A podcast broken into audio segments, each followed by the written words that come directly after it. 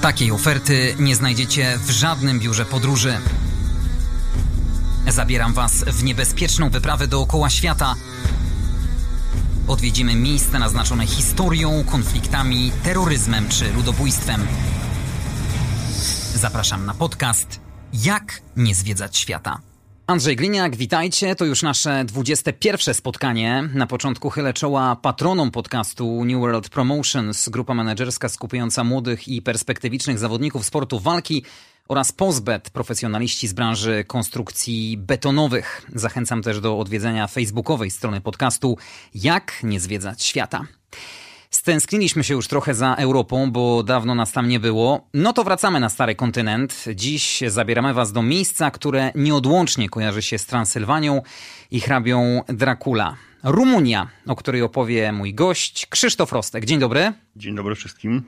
Podróżnik, którego pasja zamieniła się w pracę, na co dzień górski pilot wycieczek, a w międzyczasie eksplorujący mniej lub bardziej znane miejsca, zawodowo specjalizujący się jako przewodnik właśnie po Rumunii. Albo jest taka mała konkurencja, albo ten kraj musi być tak ekscytujący. Czy kraj jest ekscytujący, ale też jest, mimo że nie jest daleko, to jest ciągle mało znany dla nas. Więc tam kiedyś po tych mniej znanych miejscach, jak się pojechało, no to się człowiek topił tą Rumunię i tak, no, tak niestety zostało. Zgodzisz się ze mną, że w Polsce wciąż pokutuje taki stereotyp, y, który panował u nas głównie w latach 90 pokazywał Rumunię w takim bardzo negatywnym świetle. Mnóstwo żebraków, na polskich ulicach bieda, nawet tak pół żałtem, pół serio e, do słownika języka polskiego weszło takie pejoratywne powiedzenie ty Rumunie, obrażające drugą osobę. No to jest taki stereotyp, który ciągle niestety pokutuje. Najczęściej on pokutuje do momentu, jak ktoś pojedzie do Rumunii i ją zobaczy, bo wtedy tak zupełnie się do 180 stopni zmienia podejście do tego kraju, który jest krajem no, w pełni cywilizowanym, może dzikim, ale pod tym kątem, że kraj się w dwóch trzecich składa z gór, więc to tam jest trochę tej dzikości, ale tak normalnie chodząc po miastach, miejscowościach, to jest to kraj w pełni europejski, tym bardziej, że mający, no to Rumuni sami podkreślają, tradycje rzymskie. Czyli Rumunia nie ma się tak naprawdę czego wstydzić. Nie, nie ma. To jest kraj, mówię, ładny architektoniczny, a jednocześnie jest to taki tygiel narodowości i religii, bo tam mamy powiedzmy wpływy z całej Europy y, obecnej i dawnej, bo to tak też, jak popatrzeć na Rumunię, która de facto jako kraj powstała dopiero tam w połowie XIX wieku, no to wcześniej to tam były wpływy i Imperium Osmańskiego, i Węgrów, e, i Polski, bo mieliśmy Polskę od morza do morza, dokładnie Mołdawię mieliśmy jako lenno. E, no i wycieczki chociażby Jana Zamojskiego na Rumunię, to też, znaczy ówczesną, obecną Rumunię, a ówczesną tam Mołdawię, to też właśnie te wpływy. No i nasz król jeden, Siedmiogrodu, czyli Stefan Batory, można by obecnie powiedzieć, że Rumun. Ten kraj staje się coraz bardziej popularny wśród Polaków, czy wciąż trzeba przecierać granice, jak na przykład ty to robisz jako przewodnik? Znaczy to jest tak, że ci taki ci bardziej świadomi turyści to już jeżdżą sami, to już nie, nie trzeba namówić, ale najczęściej jest tak, że gdzieś tam najczęściej pojechali z wycieczką jakoś. Ja tam między innymi takie też wycieczki prowadzam zawodowo. Ale jak już pojadą, zobaczą, że nas nie zjedzą nas tak cygani, nie okradną nas w każdym dowolnym miejscu, gdzie pojedziemy i nas nie szukają. Jest to normalne miejsce, gdzie są normalne hotele, no, można powiedzieć, że nawet czasem mi się daje, że lepsze niż u nas, e, że tam się da normalnie zwiedzać. No i że jest malowniczy. Malowniczy, przestronny, mimo że kraj jest trochę mniejszy od Polski, ale taki powiedzmy przestrzenny. Jak się jeździ, są olbrzymie przestrzenie miejsca. A to są Bałkany, czy jednak nie? Bo częściowo Rumunia położona jest na Półwyspie Bałkańskim, ale głównie zaliczana do Bałkanów przede wszystkim z uwagi na czynniki historyczno-kulturowe. Znaczy Bałkany to jest to, co jest za Dunajem, na południe. A tam tylko kawałeczek do Brudży z Konstancą, to mamy ten rejon y, Bałkanów. Y, ja wiem, czy on zaliczana no, bardziej do Euro Europy środkowo, środkowej tak naprawdę, niż to nie, nie są raczej Bałkany. Tak z moich z mojej wiedzy i moich znajomych tam nikt Rumunii Bałkanami nie nazywa. No pomijając ten, ten fragmencik tam około Konstancy nad Morzem Czarnym. A ich temperament? Nie jest taki trochę bałkański? To, to zależy których tak naprawdę, bo Rumunia, Rumunia też nie, nie należy traktować Rumunii jako kraj jednolity, że mamy jednorodny naród Rumunów, bo tak naprawdę no to jest, jak mówiłem, tygiel, tygiel narodów, bo jak to się składa z dawnych gospodarstw, czyli tam z Wołoszczyzny, z Transylwanii, z Mołdawii, kawałki Kilszany, do tego mamy mniejszość węgierską, czeską, polską, saską. Obecnie prezydentem Rumunii jest pan, który ma mało rumuńskie imię i nazwisko, Klaus Johannis. Ale oni chyba jakoś się dogadują między sobą, bo nie słychać e, w europejskich mediach, żeby dochodziło tam do jakichś konfliktów. Żadna polska redakcja nie ma korespondenta w Rumunii. Ale czyli też nie ma jakichś utarczek. Tam są jakieś tam drobne niesnaski na tle mniejszości węgierskiej, ale to głównie wynikają no, z działalności obecnych władz na Węgrzech, które tam no, naciska właśnie. Zresztą Węgrzy, Węgrzy jako że no, Transylwania cała, to do 1918 roku była węgierską, była częścią Węgier, no to Węgry do dzisiaj mają duży sentyment i bardzo chętnie by przyjęły Transylwanię z powrotem pod swoje zwierzchnictwo. Jak najlepiej teraz e, dojechać do Rumunii? W tej chwili najlepiej, najwygodniej, nie patrząc na cenę, to lata się z Warszawy do dwóch miast. Tylko do dwóch miast niestety, do Bukaresztu i do Klusz-Napoki. E, nie ma żadnych połączeń autobusowych bezpośrednich. E, pociągi były do 97 roku.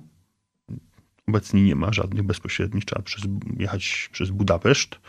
No a dla takich bardziej lubiących mm, przygodę to można jechać przez, przez Lwów. Bo autem to chyba męczarnia. E, znaczy to też, też nie jest to zły wybór, ale no, troszkę czasu zajmuje. Chociaż nie wiem, dwa tygodnie temu podróż do Rumunii znaczy nie, skróciła się czasowo, bo w tej chwili już możemy całe Węgry przejechać autostradą. No i trzy czwarte Słowacji, więc nie jest tak źle. No i pamiętajmy, że Rumunia należy do Unii Europejskiej, więc tam niepotrzebne są paszporty. E, nie są potrzebne paszporty, ale e, dokument trzeba mieć, gdyż no, jest odprawa sprawdzania dokumentów na granicy. Nie jest tak wjazd jak Schengen, jest odprawa graniczna, ale odprawa tylko, tylko dokumentów, paszport, dowód osobisty. Jeszcze tak a propos odległości, bo też no, niewiele osób sobie zdaje, że ta Rumunia jest tak naprawdę dosyć blisko. Znaczy, auto, drogami troszkę się zajmuje, ale tak jakby policzyć odległość najbliżej, gdzie jest między Rumunią a Polską, to, to w Bieszczadach wypada, e, do tam w rejon Maramureszu, czyli tam północnej części Rumunii, to jest 100 kilometrów tylko. Najbliższym miejscu linii prostej, także to nie jest daleko. No to od czego zaczynamy? W większości jednak wycieczki jeżdżą autobusami, więc wjeżdżamy przez Transylwanię, ale już wspomniałem, że najwygodniej jest do, do Bukaresztu dolecieć albo do Kluż-Napoki, bo to, też, to są już też dwie różne, dwie różne krainy. No to, to tego Bukaresztu można by zacząć. E, z tym, że tak naprawdę, żeby zwiedzić Bukareszt, to tam spędzi tak no, co najmniej trzy dni. Mały Paryż albo Paryż Wschodu. Tak określa się Bukareszt. E, tak, architektonicznie jest miasto, znaczy główna część miasta, centrum powiedzmy, ono jest bardzo ładne architektonicznie, chociaż w tej chwili to już jest taki troszkę tygiel się robi, bo jest właśnie z okresu tego małego Paryżu architektura, wchodzi do tego architektura z okresów socjalistycznych, no i teraz jeszcze mamy współczesną architekturę. Ale dlaczego mały Paryż? To wynika po części z tego, jak Rumunia była rządzona. Bo Rumuni sobie wymyślili pod koniec XIX wieku, że oni chcą mieć króla ze znanego rodu europejskiego. E, no i tym królem został e, przedstawiciel rodu Hohenzollernów, Karol, król Karol, który no, zaczął modernizować Rumunię. No, to jest takie, no, tak bardzo ładnie pokazuje, jak Rumunia wyglądała przed pojawieniem się monarchy, a później się zaczęła rozwijać. On dojechał koleją do granicy Rumunii, a dalej wozem. Dlaczego? No bo tam nie było żadnej kolei. Także tak naprawdę no, dosyć mocno kraj zmodernizował, no ale od, od razu było też wpływy, patrzenie na, na Zachód, na, na, na Węgry, na, na, na Francję. E, no i taki był okres w zasadzie, no, można powiedzieć, że do, do końcówki II wojny światowej prawie, gdzie ta Rumunia bardzo mocno się rozwijała. Nawet taki okres ten dwudziestolecia międzywojennego to jest tak zwana Rumunia Mare, czyli Wielka Rumunia, kiedy ona miała no, największy zakres terytorialny. To troszkę później po wojnie zabrali, no ale do dzisiaj, do dzisiaj tam właśnie Rumunia Mare, czyli ta wielka Rumunia jest takim odnośnikiem do najlepszej, najlepszego okresu Rumunii. Bukareszt nie ma co prawda jak Wrocław Sky Towera, czy jak Warszawa Pałacu Kultury, ale... Ma. Ma? Ma, ma trochę niższy, a taki pałac kultury jest. Ale chciałem powiedzieć, że jako pierwszy rzuca się w oczy chyba pałac parlamentu, czyli ten dom ludowy, jeden z największych budynków pod względem powierzchni na świecie. E, tak, no to też jest takie właśnie e, miejsce w części Starówki, która została z jednej strony zniszczona, bo tam została no, wyburzona, wyburzona. Tam pretekstem było niby też trzęsienie ziemi, ale też powiedzmy została wyburzona. E, no i tam zbudowana została taka, po pierwsze, coś na wzór pól elizejskich, e, które kończą się właśnie takim ogromnym placem i tym pałacem parlamentu, gdzie jest parlament i kilka innych instytucji. E, de facto, nie wiem, czy już formalnie jest to skończone, ale w momencie, kiedy, kiedy upadał reżim, to to jeszcze było tak powiedzmy zaawansowane, ale jeszcze było daleko, daleko do, do końca tu też należy zwrócić uwagę, że to w momencie, jak powstawał ten pałac parlamentu, to jednocześnie Rumunia, znaczy Nicolae Ceausescu zarządził, że Rumunia spłaci wszystkie swoje zadłużenia zagraniczne i to jest właśnie wtedy ten, to coś, co spowodowało tą biedę w Rumunii. Że tam nic nie było. Kraj, kraj bogaty tak naprawdę, chociażby pod względem surowców mineralnych, jeden z niewielu mających w Europie ropę naftową, e, a jednocześnie, no mówię, no wszystko szło na spłatę zadłużenia i dlatego ta Rumunia była taka biedna wtedy. Tak, końcówka lat 80.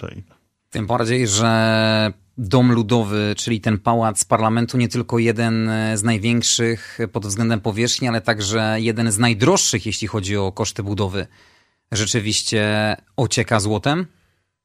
Znaczy, złotem to może nie, ale pałac parlamentu został zbudowany, to też bardzo często podkreślane, tylko z materiałów rumuńskich. Złoto też mają, e, ale naprawdę robi wrażenie. On tam jak się grupa wcześniej zgłosi, to jest to możliwość zwiedzenia tego, czyli najbardziej reprezentacyjnych sal. E, I to robi wrażenie, to naprawdę robi wrażenie, bo pomijając, że trochę złocenie jest, ale to nie jest takie, e, takie to nie są takie złocenia w stylu wschodnim, tylko bardziej takie, no, też jest coś takiego określonego jak styl rumuński. To jest taki, można powiedzieć, trochę zmodernizowany styl bizantyjski. Wspomniałeś chwilę temu osobę, która też nierozerwalnie związana jest e, z Rumunią. I niestety dla większości mieszkańców z tymi ciemnymi kartami w historii tego kraju, Nicolae Ceausescu, dyktator. Słońce narodu, słońce Karpat. No. Unosi się duch Ceausescu nad Bukaresztem? A tak, no szczególnie właśnie w tym rejonie przebudowanym, zresztą nie tylko Bukaresz, bo tam swego czasu Czałczesku zarządził tak zwaną systematyzację, czyli wyburzanie starych budynków, wybudowanie nowych bloków i to nieważne gdzie. No i niestety czasami się jest w różnych miejscach, w różnych y, miastach, a czasami na wioskach i człowiek zastanawia, czy już tu nie był, bo te bloki wyglądają prawie wszędzie tak samo. Chociaż co ciekawostka, one są y, ładniej zrobione, czy gdyby były utrzymane, ładniej zrobione niż u nas bloki w latach 80. Często odwiedzana przez turystów jest willa Czałczesku. E, tak, tym bardziej, że ona została no, jakiś rok czy dwa lata przed pandemią otwarta dopiero do zwiedzania. W Bukareszcie. W Bukareszcie, na północy. Tam, gdzie On tam mieszkał wraz ze swoją małżonką. E, tak, z Eleną. E, no i stamtąd jeździł do pracy, do, do Pałacu Parlamentu. Znaczy, częściowo do Pałacu Partii tak naprawdę jeszcze, bo Pałac Parlamentu nie był ukończony. E, ale jednocześnie Czałczesku miał willę w każdej części Rumunii. Można powiedzieć, że każdy dom był jego. Y, też, chociaż nie, to, to były takie domy, domy ludu, czy to, dla, dla Nikolaja, ale no, niektórych nawet nie był, ale każdy musiał być przygotowany w każdej chwili na przyjazd wodza. Jak on jest teraz współcześnie odbierany przez Rumunów?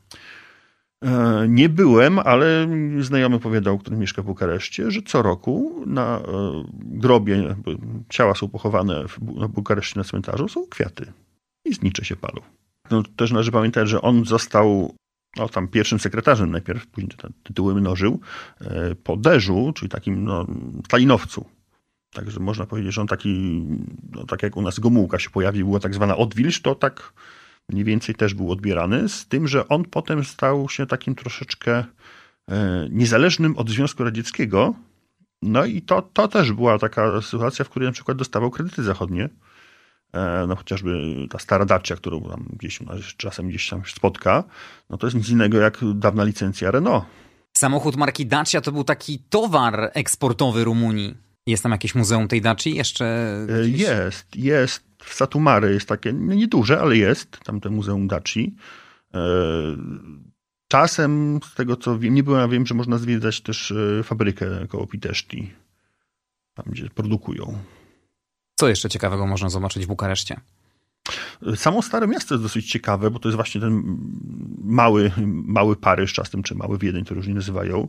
E, chociażby coś, co później się, można powiedzieć, rozprzestrzeniło po różnych miastach rumuńskich. Jak swego czasu e, Bukaresz dostał z Rzymu pomnik Wilczycy Kapitolińskiej. On tam jest głównej, czy, powiedzmy, przy jednej z głównych ulic, e, ale to stało się na tyle modne, że w tej chwili w co drugim mieście rumuńskim taki pomnik stoi. I tutaj też taka no, ciekawa rzecz a propos Rzymu, bo to chodzi o wpływy rzymskie. Dać, y, Rumunia, część Rumunii powiedzmy, była dawną prowincją rzymską Dacją. Co prawda tylko 150 lat, ale Rumuni do dzisiaj się powołują na swoje rzymskie pochodzenie. Rzymskie i getodackie, to jest taki lud jeszcze, który tam był, których Rzymianie właśnie podbili. Y, no i to jest takie coś, co oni wskazują. Nawet sama nazwa kraju, to tak się jakby ją to przetłumaczyć, no tak w miarę na polski, to to jest Rzymia. Rzymia, czyli nazwa od kraju, który nas kiedyś najechał. To też y, w XIX wieku ta nazwa, bo wcześniej to już jako jedno państwo, ale jeszcze nie było nazwy Rumunia, były to Zjednoczone Księstwa Naddunajskie. Dopiero później pojawiła się nazwa Rumunia i do dzisiaj mamy Rumunię.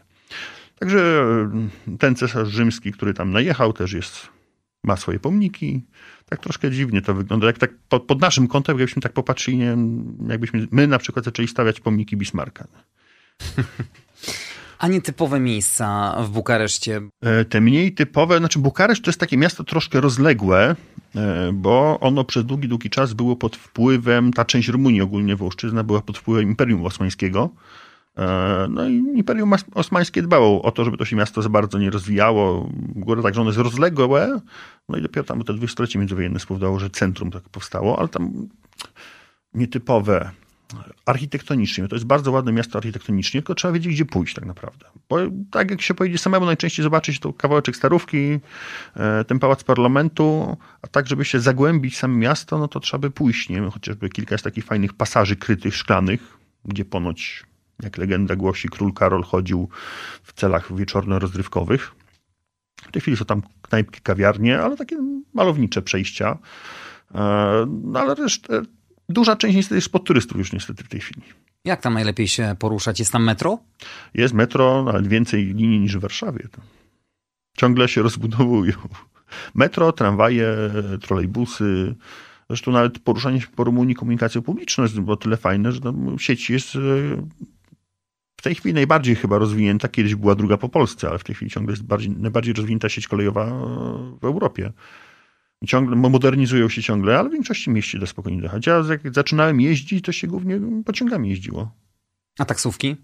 E, też są. E, no, duże miasta mają swoją specyfikę, ale takich mniejszych, e, no duże miasta i okolice dworców i lotnisk mają swoją specyfikę. Tutaj pytam bardziej pod kątem ceny oczywiście. Ale ceny są, e, jak na taksówki są niskie ceny. Niskie ceny, dzięki temu ludzie korzystają z tych taksówek. E, no i dzięki temu te taksówki są i jeżdżą. I to naprawdę niewielkie, niewielkie kwoty, nie wiem, tam 3 leje za kilometr, czyli tam mniej więcej 3 złote, bo lej rumuński to jest tam 95 groszy powiedzmy. To tak bardzo niewiele się płaci. No i można sobie jeździć. Tak to nie jest tak, że taksówki stoją, taksówki w większości jeżdżą. Taksówką myślę, że pewnie dojechalibyśmy, ale koszt już by był znaczny do tej słynnej Transylwanii, czyli chyba jednego z najbardziej komercyjnych miejsc w Rumunii, gdzie mieszkał hrabia Dracula. To on, gdzie mieszkał, to też jest kilka, tak naprawdę kilka miejsc, e, e, bo to też to wszyscy mówią Dracula Transylwania. E, on tak naprawdę nie był, że tak się powiem, w nawiasie, w cudzysłowie Transylwańczykiem. On pochodził z Wołszczyzny czyli tej krainy na południe od Karpat. A że urodził się w Transylwanii, to akurat wynikało z prostego, z prostych tam, znaczy prostych, no, zawiłości politycznych, gdzie jego ojciec był w cudzysłowie przechowywany przez króla Węgier w zapasie, jakby ten władca Transylwanii no, nie chciał już być w sojuszu z królem Węgier, wtedy no, się brało takiego zapasu, stawiało się jako przywódcę na Wołoszczyźnie i e, no i w ten sposób. A, Jaka odległość jest między Bukaresztem a Transylwanią? E, między granicą Transylwanii a Bukaresztem to jest ze 100 kilometrów. W zasadzie no, kawałek po płaskim i później trzeba przejechać przez góry. Granica Transylwanii to jest e, łuk Karpat. Najbardziej znany to jest chyba ten zamek, gdzie mieszkał Dracula. E, no i to też jest taki drobny problem, e, bo najbardziej znany jest zamek, w którym Dracula nigdy nie mieszkał i który nigdy nie był zamkiem Drakuli, czyli zamek w Branie. E, to jest dawna strażnica właśnie na granicy między Transylwanią a Wołoszczyzną, ale zamek, coś takiego jak zamek Drakuli jest, istnieje, z tym, że to jest taka forma trwałej ruiny przy szosie transfogarskiej, zamek Poinari. No i on, jego się zwiedza. Zwiedza się chyba, że zamknął, bo od czasu do czasu e, okazuje się, że tam któryś, no co jakiś czas, co któryś rok można powiedzieć, pojawia się tam niedźwiedzica z młodymi, bo to jest w górach. Niedźwiedzica z młodymi i zajmuje zamek na jakiś czas. I wtedy się zamyka zamek. Czyli cała historia troszeczkę pod turystów, żeby tam przyjeżdżali. E, tak, ale tak naprawdę początek Drakuli jako takiego krwawego wampira to jest no, powieść Brama Stokera. Bo dla samych Rumunów e, Dracula, czyli Vlad Tepes, to jest bohater narodowy, e, który no, walczył z Turkami. Dosyć skutecznie. On tam dwa razy był władcą i Wołoszczyzny, i Transylwanii. No niestety w pewnym momencie zginął. E, został pochowany snagą w monastyrze. No, też taka ciekawostka, jak tam w XIX wieku zaczęli, no badania archeologiczne się zaczęły, otwarli tą kryptę, okazało się, że go tam nie ma. Więc gdzie jest Dracula, to nie wiem. Obecnie. Rumuni wykorzystują ten symbol Drakuli znanego na całym świecie podobnie jak choćby Kubańczycy, Che Guevara, pamiątki właśnie nawiązujące do Drakuli? E, tak, to jest to zwane Drakularia nawet. Określenie się funkcjonuje. No jak się pojedzie na jakieś takie, no myślę najbardziej widoczne to jest właśnie pod zamkiem w Branie, który no, no, jeszcze w czasach Czołczesko był używany jako główny punkt turystyczny dla wycieczek z zachodu, no bo już gotowa była, nie trzeba było reklamować nawet. Wystarczyło tylko pokazać zamek Drakuli, a tam jest taki no, ba bazar, powiedzmy, troszkę jak pod Gubałówką. Nawet sery mają owcze, według mnie lepsze niż nasze. Co jeszcze w e, I, i, tam, I tam koszulki, kubeczki, wszystko z Drakulu można kupić. Transylwania to dosyć bogaty kraj, bo to Transylwania, czyli siedmiogród, miasto siedmiu grodów, ale też no, to, to, jest tak, to jest tak ciężko powiedzieć w tym czasie, co można zobaczyć. W kraju, gdzie mamy zabytki od czasów rzymskich, przez średniowiecze do współczesnych, więc to tak naprawdę wszystko zależy od tego, co nas, co nas interesuje, bo no, chociażby nawet y, same góry, to w zasadzie kto jakie chce, to może sobie wybrać tam. Od spacerowych, niskich, po, znaczy połoninek, no, polanek, po wyższe, po, no, po góry de facto wysokie. No, duża część Karpat Południowych leżących w Rumunii to są góry ponad 2,5 tysiąca metrów wysokości. Więc takich e, powiedzmy, że sztandarów, które tam się, takich jednych z ważniejszych punktów, też myślę, że to jest fajne miejsce, mimo że tam no, w sezonie jest dużo ludzi, to jest miasto Shigishiara. E, wpisane, stare miasto wpisane na listę zabytków UNESCO.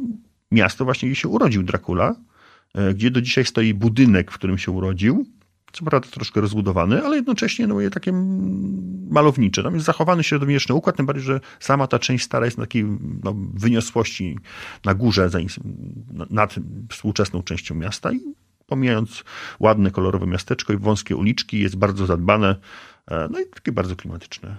Każdy rodzaj turysty w Rumunii znajdzie coś dla siebie, nawet ci preferujący turystykę urbeksowską, Duże wrażenie robi opuszczone kasyno w Konstancji, zbudowane przez wspomnianego przez ciebie króla Karola I. No i w czasach socjalistycznych też przez pewien czas funkcjonowało, mimo że jakby nie patrzeć, kasyno w kraju komunistycznym tak trochę tak, może mało pasuje. Później został niestety opuszczony już po, po 89 roku, nawet chyba nawet trochę wcześniej i w tej chwili, no niestety zmartwię e, miłośników urbexu, e, kasyno jest w tej chwili w remoncie.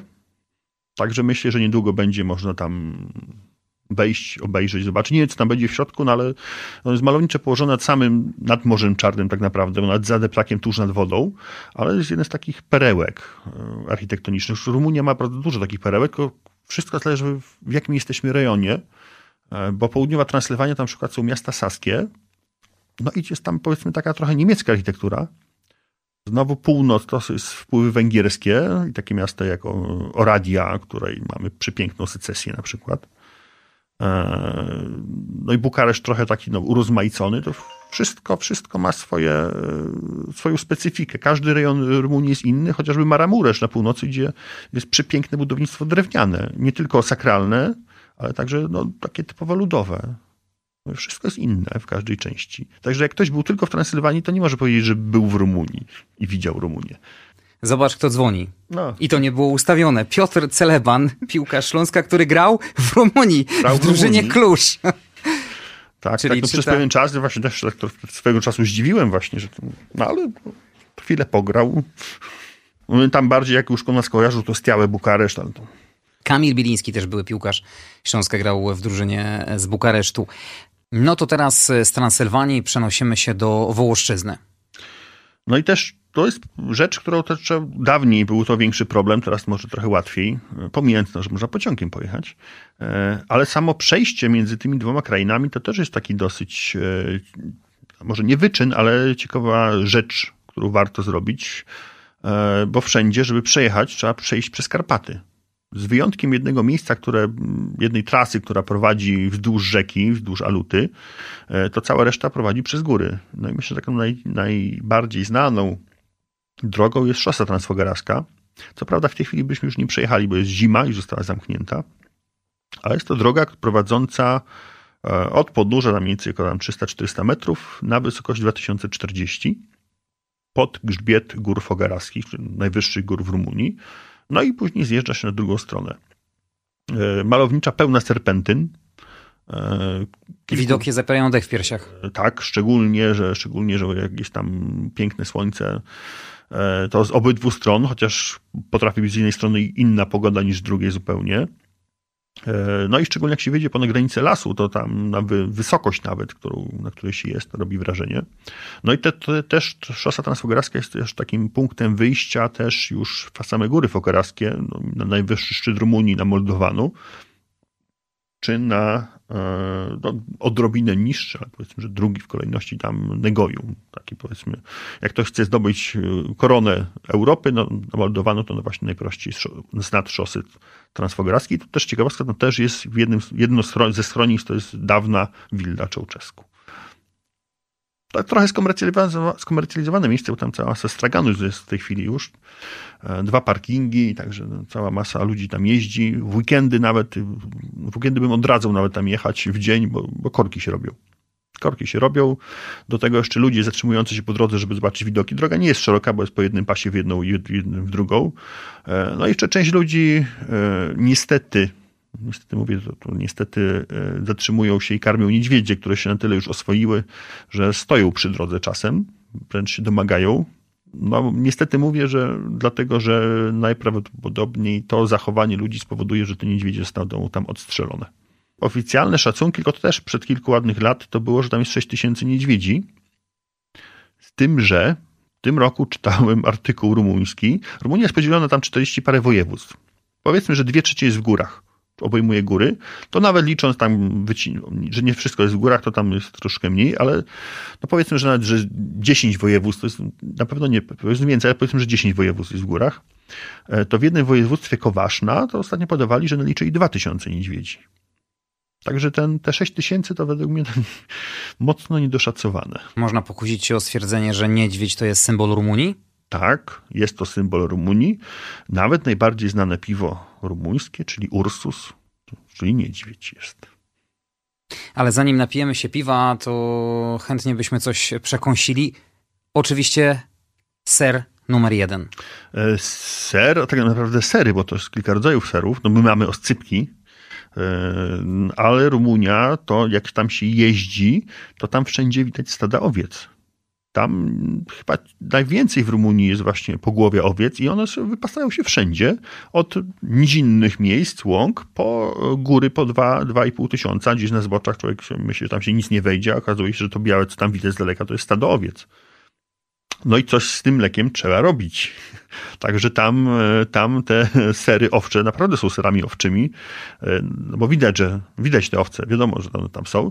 No i też najlepiej kupywać te sery owcze tam przy górach blisko, nawet czasem przy drogach stoją takie budki stragany. E, no i też kilka rodzajów mamy tych serów, mamy no, wędzone, niewędzone, w pełni owcze, nie w pełni owcze, też krowie są, ale też są troszkę inne niż u nas. Rzeczywiście znacznie lepiej smakują niż w Polsce? No nie wiem, czy nie podpadnę góralom zakopanego, ale mi smakują lepiej. mi smakują lepiej, nawet sobie przywożę. Jak jestem, to zawsze jakieś tam serowcze sobie przywożę. No, najczęściej te wędzone, bo jak jestem gdzieś w okresach ciepłych, no to jednak przewieźć taki biały ser jest troszkę trudniej, tym bardziej no, jak się nie ma gdzieś lodówki, tego typu rzeczy. Ale owcze, sery, naprawdę bardzo rzecz, dobra rzecz. A co jest kulinarną wizytówką Rumunii? Dla mnie to jest coś, co u nas jest tak, nie postrzegamy w tym kątem Rumunii, ale na przykład dla mnie są wina rumuńskie. Rumunia jest krajem wina. Tam jest bardzo dużo winnic. U nas, no jeśli już to się widzi, wina mołdawskie. Ale nie są w Polsce popularne rumuńskie wina. Nie są. Swego czasu mieliśmy trochę w sprzedaży, ale to wynikało z tego, że Rumunia spłacała w stosunku do Polski dług w postaci winem. I można było kupić wina. No, głównie były z winnic Kotnari, e, ale tych winnic jest tam cała masa. I tam to wino jest w dobrych cenach, bo kupić dobre wino za 12 zł, ja nie mówię, że to najtańsze jakieś tam, ależ takie dobre wino, e, to to, to wcale nie trzeba szukać. Także ser i wino bardzo pasuje do siebie. No ale na razie głównie tylko pijemy mleko, wina, piwa. Tam da się coś zjeść konkretnego? Też, też się da, da zjeść. E, u nich bardzo często królują zupy. E, większość nazywana ściorbami, to jest taka bardziej zawiesista zupa. E, no i w zasadzie można powiedzieć, że takim standardem to, są, to jest kilka takich zup ciorba taraneska, czyli coś powiedzmy, że to byśmy nazwali taką zupą, zupą wiejską. W kilku odmianach, bo najczęściej tam pytają, czy z, jak, tam, z mięsem drobiowym, wieprzowym, wołowym, ciorba, mm, no to tam mówię, z dodatkami wszelakimi różnymi. E, ciorbia perishoara to jest taka zupa zabielana już takimi kuleczkami mięsnymi i coś, i zupa, którą każdy pyta, a nie wszyscy chcą jeść, czyli ciorba de burta. W takim tłumaczeniu bezpośrednim to jest zupa z brzucha. To się można domyślić, że to jest coś, to jest takie coś ale nasze flaczki, tylko że jest zupełnie inaczej robione. To jest na takim lekkim wywarze, zabielanym yy, i z pociętymi flaczkami. Ale znowu coś płynnego. A gdzie jakieś mięso? Z mięsem to tak, naprawdę różnie bywa, bo taki, oni na przykład lubują się e, w mięsach grillowanych. To jest pewien problem, szczególnie z wycieczkami, jak wejdzie grupa i zamówi sobie mięsa grillowane, bo oni najczęściej to grillują wtedy dopiero, na świeżo, a to musi potrwać. E, I ten, a propos tych wpływów, to tak a propos mięs, jak kiedyś zamówiłem sobie z kolegą, byliśmy w takim miasteczku Szigiet Marmarowski na północy Rumunii. W menu to, co nas urzekło, było kotlet Krakowia Godzinę na to czekaliśmy. Okazało się to być dwoma kawałkami mięsa schabowego z serem w środku opanierowanym, no ale kotlet Krakowia trzeba było spróbować. E, u nich ta kuchnia, mówię, to, to, też jest taki, tak jak, i, tak jak i ludność, wpływ różnych krajów. Bo zjemy normalnego schabowego, karkówkę, e, ale zjemy też sarmale. To jest rodzaj malutkich takich gołąbków, częściowo robionych z liści kapusty, a częściowo z liści winogron. E, zjemy na deser papanashi, czyli coś w rodzaju takiego serowego pączka z jagodami bitą śmietaną. E, no, jak ktoś jeździ tam i to próbuje, to później za każdym razem chce sobie kupywać, no, bo to, jest dobre i sycące. Ale zjemy coś, co jest, można powiedzieć, taką wizytówką. U nas w Polsce też kiedyś się jadało, teraz już nie, e, czyli mamałygę, czyli kaszę kukurydzianą, no, w takiej prostej wersji e, ze śmietaną i owczym serem. To jest też takie jedzenie wywodzące się właśnie z pasterstwa, no bo ci pasterzy wychodząc tam na Halechen daleko, no brali ze sobą worek z kukurydzą, z mąką kukurydzianą, a mleko i ser to już mieli na miejscu. Także to, to, to jest coś, co można dostać też w restauracjach. E, to jest taka wersja podstawowa, tam jest też wersja na bogato z jakimś tam boczkiem, tłuszczem i innymi rzeczami, czy zapiekane, ale taka prosta rzecz. A jednocześnie to jest rzecz bardzo sycąca, że wystarczy zjeść taką jedną porcję i to na, na długo starcza.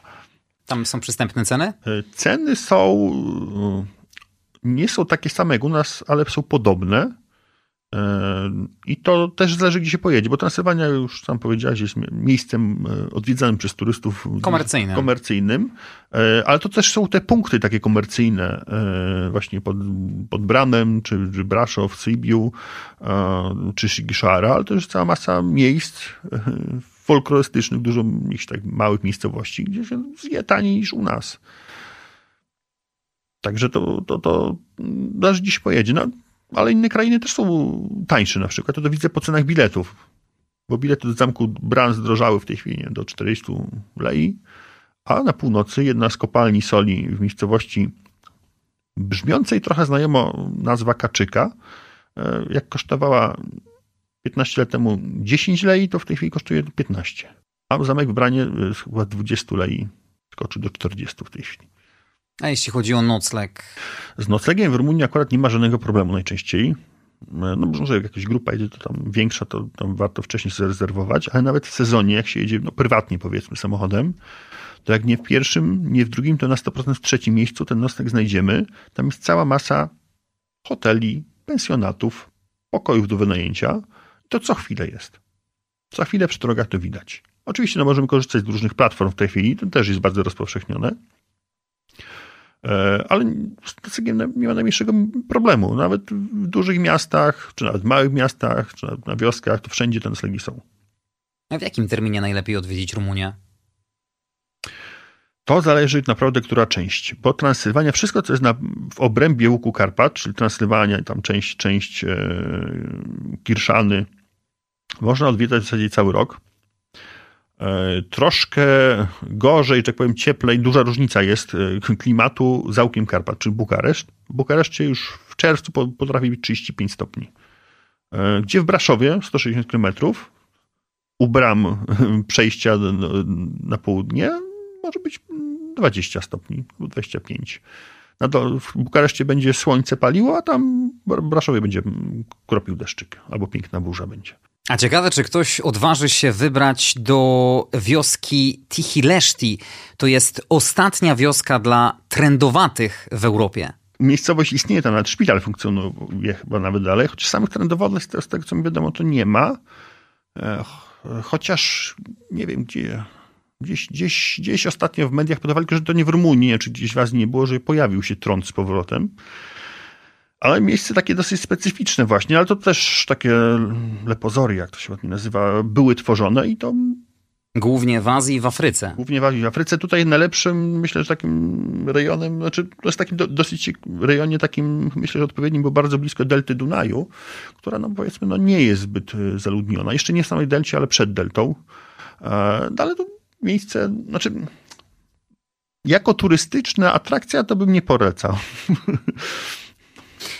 Dane sprzed kilku lat mówią, że ta wioska dla terendrowatych, czyli Tichileszti, zamieszkiwana jest przez 24 osoby. To miejsce ma oficjalny status e, szpitala i tam mieszkają chorzy pod opieką lekarską. A to w samym szpitalu, w samym szpitalu tam cały czas istnieje.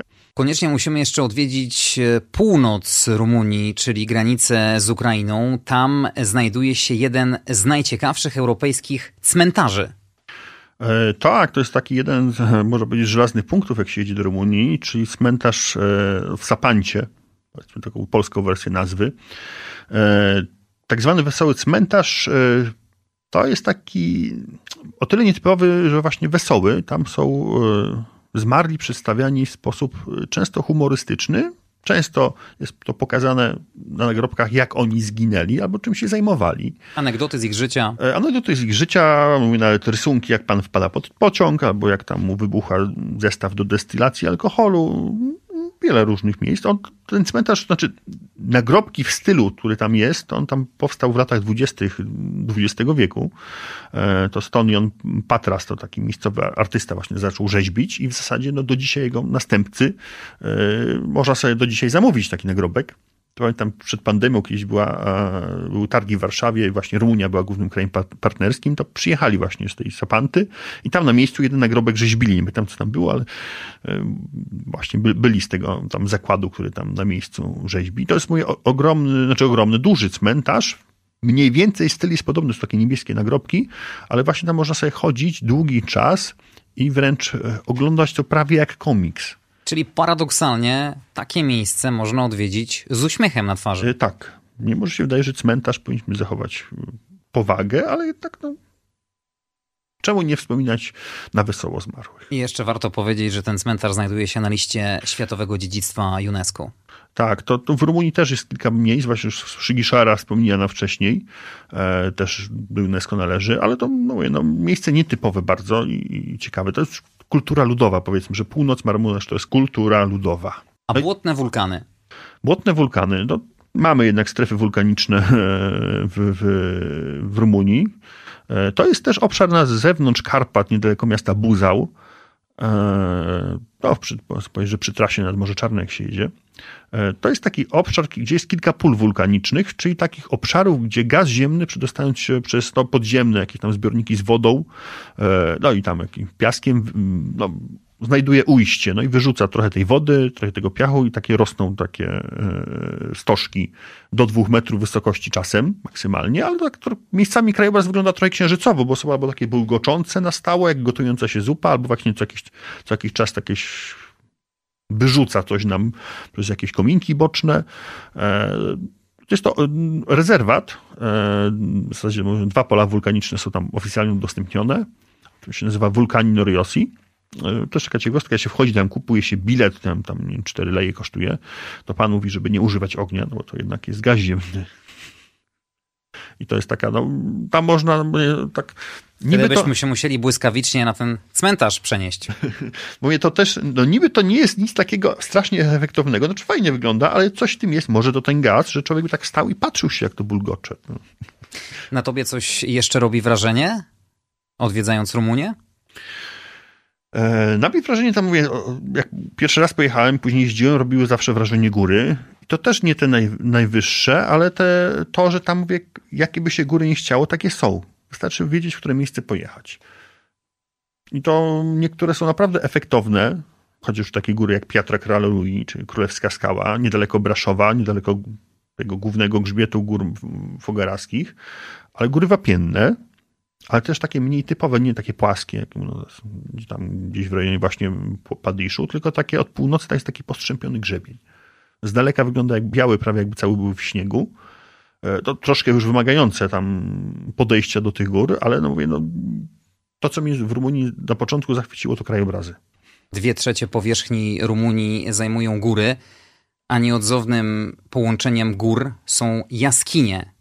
E, jaskinie, tak, tym bardziej, że te góry, one są, mimo że to są Karpaty de facto, tam w zasadzie mamy Karpaty wschodnie i południowe, e, plus tam góry zachodnio-rumuńskie, ale to jest spora część właśnie budowy wapiennej, tam są takie, taką mekką, nawet z Polski bardzo dużo osób jeździ, e, są góry właśnie zachodnio-rumuńskie, rejon płaskowyżu Padisz, Mekką dla speleologów i tam spotyka się Polaków bardzo dużo. No, tam jest jaskinia na jaskini tak naprawdę, e, czy chociażby jaskinia Meziat. Kilka takich jest udostępnionych oficjalnie do zwiedzania. E, ale nawet wjeżdżając do Rumunii, po paru kilometrach można spotkać strzałki z napisem Pestera, czyli jaskinia. Jest cała masa, mówię, no, zwiedzać można tych jaskiń bardzo dużo. Jednocześnie można zwiedzać coś podobnego pod ziemią a już tworem, będącym tworem człowieka, czyli kopalni soli na przykład. I to takich też troszkę mających związek z Polską, nawet duży. Nasi rodacy eksplorują rumuńskie jaskinie, ale też mieszkają na stałe w Rumunii, głównie w Bukowinie. E, Bukowina to jest taki obszar właśnie w północno-wschodniej Rumunii, gdzie swego czasu, nie przekraczając żadnej granicy, przynieśli się górale z rejonu Żywca. Tym, że to było jeszcze w XVII wieku. E, no i część została do dzisiaj, tam mieszka, jest kilka wiosek, no, najbardziej znany Nowy Sołoniec. E, część z tych osób wróciła e, do Polski nawet tu pod Wrocławiem mamy, nawet nie wiem czy nazwać to mniejszość, bo to są Polacy, ale chociażby pod Sobótką, czy w samej Sobótce mieszkają, mieszkają takie osoby. Właśnie w, albo już potomkowie, albo jeszcze ci żyjący, którzy tam przyjechali w ramach remigracji po II wojnie światowej. E, I to jest takie dosyć ciekawa społeczność, która się co roku jeszcze spotyka, bo oni są pod Wrocławiem, pod Lwówkiem, gdzieś tam pod, koło Piły, e, koło Żagania, ale też jest taki festiwal e, muzyczny zespołów ludowych właśnie z tych, tych wiosek. Bukowińskie spotkania On się odbywa w kilku krajach.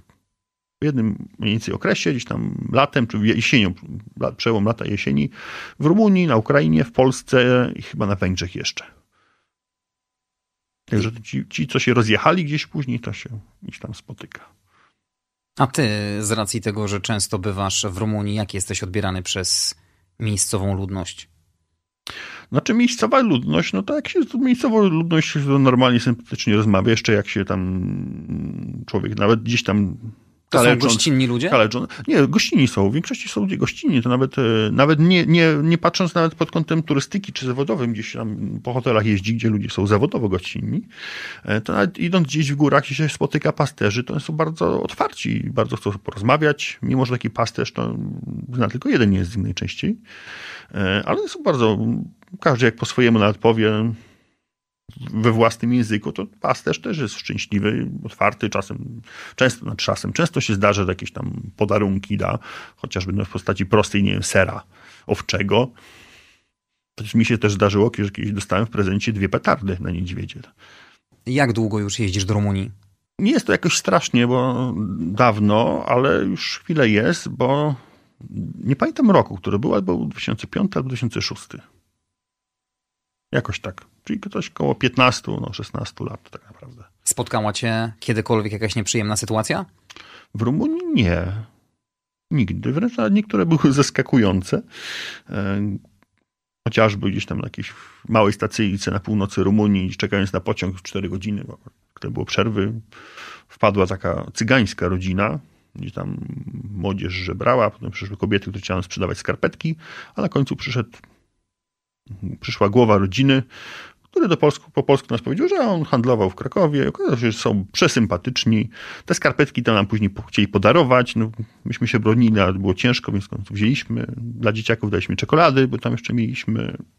Także dla mnie Rumunia jest takim bardzo otwartym krajem i nawet Romowie, czyli Cyganie, którzy tam mieszkają, to też, to też e, nigdy nie miałem problemów. Mówię, no, dla mnie są sympatyczni, otwarci ludzie. Tym, tym bardziej, że postrzeganie nawet cyganów, stricte Romów, e, tam jest też inne niż u nas, bo tam rzadko, bardzo rzadko kiedy zdarza się, żeby cyganie e, żebrali. Cyganie tam pracują. Jak się spotyka idących, to idą kolorowo ubrani, troszkę się odróżniają od innych, ale no idą, nie, nie, nie zaczepiają nikogo. Też często można spotkać przy drodze to, czym cyganie handlują, ale można spotkać to, co produkują, bo oni produkują wyroby metalowe na przykład. Można kupić solidne, żeliwne patelnie, no albo oczywiście do produkcji wody destylowanej takie zestawy do destylacji. Ciekawe to, co mówisz, tym bardziej, ładne, że granicząca z Rumunią Bułgaria od e, wielu lat boryka się z problemem cyganów. E, tam są specjalne getta, e, fakulteta, filipowci na przedmieściach Sofii. Te osoby, które te miejsca zamieszkują, korzystają z socjalu, nie pracują z reguły. A tutaj taka niespodzianka, jak no opowiadasz w Rumunii. Tak naprawdę nawet na Słowacji czy w Czechach, tam gdzieś w rejonach północnych, to tak naprawdę tam jest większy problem z cyganami. Znaczy tam jest problem z cyganami, a w Rumunii no, to nie jest tak, że 100%, ale w większości nie ma tego problemu. Rumuńscy cyganie to były te osoby w latach 90. w Polsce, które żebrały na ulicach. E, też nie do końca wiadomo, czy rumuńscy, no bo Cyganie, jak to naród bez kraju, to oni się nie określają, że oni no to są skąd wzięło się Słowacy. to Rumunie?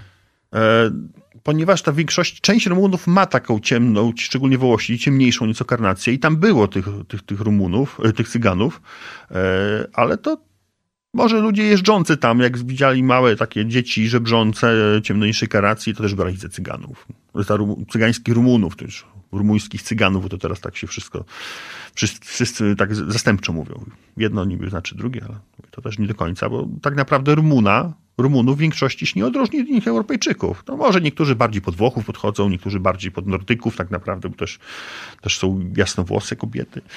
E, ale mówię, to też kwestia wpływu różnych nacji w Rumunii.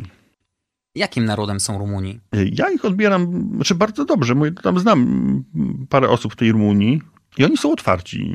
Oni chcą porozmawiać, oni nas cały czas ciągle bardzo pozytywnie odbierają i bardzo chętnie nawet rozmawiają. Z czego oni głównie kojarzą nasz kraj? No głównie Lech Wałęsa. Ciągle. E, no teraz to mm, ciężko powiedzieć, czy teraz z czymś kojarzą konkretnym, ale Lech Wałęsa, Jan Paweł II to, to, to cały czas. E, o tyle ciekawe, że Rumunia, kraj i Rumuni stricte w większości są prawosławni. Tam to też jest taki podział właśnie. Rumuni są prawosławni, Węgrzy, ta mniejszość, duża większość węgierska jest katolicka, a mniejszość saska jest protestancka. Ale no skojarzą głównie e, głównie właśnie z Lechem Wałęsą. Ale to też myślę, że tak standardowo w różnych miejscach. Czyli Polacy są pozytywnie odbierani? Pozytywnie, pozytywnie. Cały czas są pozytywnie odbierani i mam nadzieję, że tak zostanie. A mają jakieś przywary? E, jak każdy kraj. Coś, co cię denerwuje? E, jak każdy kraj mają przywary, ale jakoś tak nie spotkałem czegoś takiego, co by mnie denerwowało. No, znajoma, która mieszka, mieszka w Rumunii, to czasem mówi, że tam niektóre rzeczy denerwują, no ale ja wychodzę z założenia, no każdy ma jakieś przywary. Nawet nie musi być w, w Rumunii, nawet w Polsce spotykamy ludzi, którzy mają różne przywary. Ale to teraz jest y, najpopularniejszym Rumunem albo Rumunką. No myślę, że najbardziej znana, jeśli już na, u nas w Polsce, to będzie tenisistka Simona Halep. Była numer jeden rankingu światowego. Jeszcze niedawno. Bardzo popularna w Rumunii. Tak. No, nawet Sportowa wizytówka. Kiedyś trafiłem, właśnie wybrała na, chyba na Wimbledonie i tam ludzi wyszło w Bukareszcie cała masa, masa właśnie świętować tą wygraną. E, I to faktycznie na wielkim placu wszędzie ogrodzone, bo ludzie wyszli świętować. Taką, znaczy stricte Rumun, znany Rumun, to też tak ciężko, ciężko znaleźć, bo nawet prezydent Rumunii, ludzie w większości nie mają pojęcia, kto jest prezydentem Rumunii, e, bo nawet jak im się powie, to imię i nazwisko, one nie będą kojarzyć, że on może być akurat prezydentem Rumunii, bo jest nim Sas Siedmiogrodzki z pochodzenia, czyli pan Klaus Johannis. Były burmistrz Cybina, no ale imię, nazwisko jak najbardziej niemieckie. Nasze pokolenie pamięta słynnego piłkarza, byłego gracza Barcelony, Gorge Hadzi. Mm, Hadzi, znaczy Hadzi... On jest pamiętany... Maradona Karpat, tak na niego mówili. On, on jest tam pamiętany. Jak gdzieś chyba nawet w Bukareszcie jakiś mural chyba nawet z nim widziałem gdzieś, ale nie, nie pamiętam w, którym to było miejscu. Ale powiem tam jeszcze, że w drugą stronę to też trochę działa, no bo jak w Rumunii mamy Sasa, tak by u nas Niemca wybrać na prezydenta, e, to tak jest ciekawostek, no mamy przygraniczny Gerlitz, gdzie burmistrzem jest pan Oktawian Ursu, Rumun. Ja sobie bardzo lubię czasem obejrzeć e, stare filmy. I myśmy, co prawda były to lata 80., mieliśmy takie kilka koprodukcji polsko-rumuńskich. Nawet jedna była sensacyjna. To się nawet fajnie ogląda, bo to gdzieś tam na YouTube się jeszcze znajdzie taki e, tytuł filmu trochę, znaczy nośny ostatnio było to hasło, ten tytuł dokładnie, e, bo to był Trenul de Aur, czyli Złoty Pociąg. Na czasie. Na czasie. To tak, historia opowiada przewóz złota we wrześniu 1939, przewóz złota z banku w Warszawie do Konstancy. Tam. Taka dosyć, no, wierchuszką ówczesnych naszych aktorów, rumuńskich także.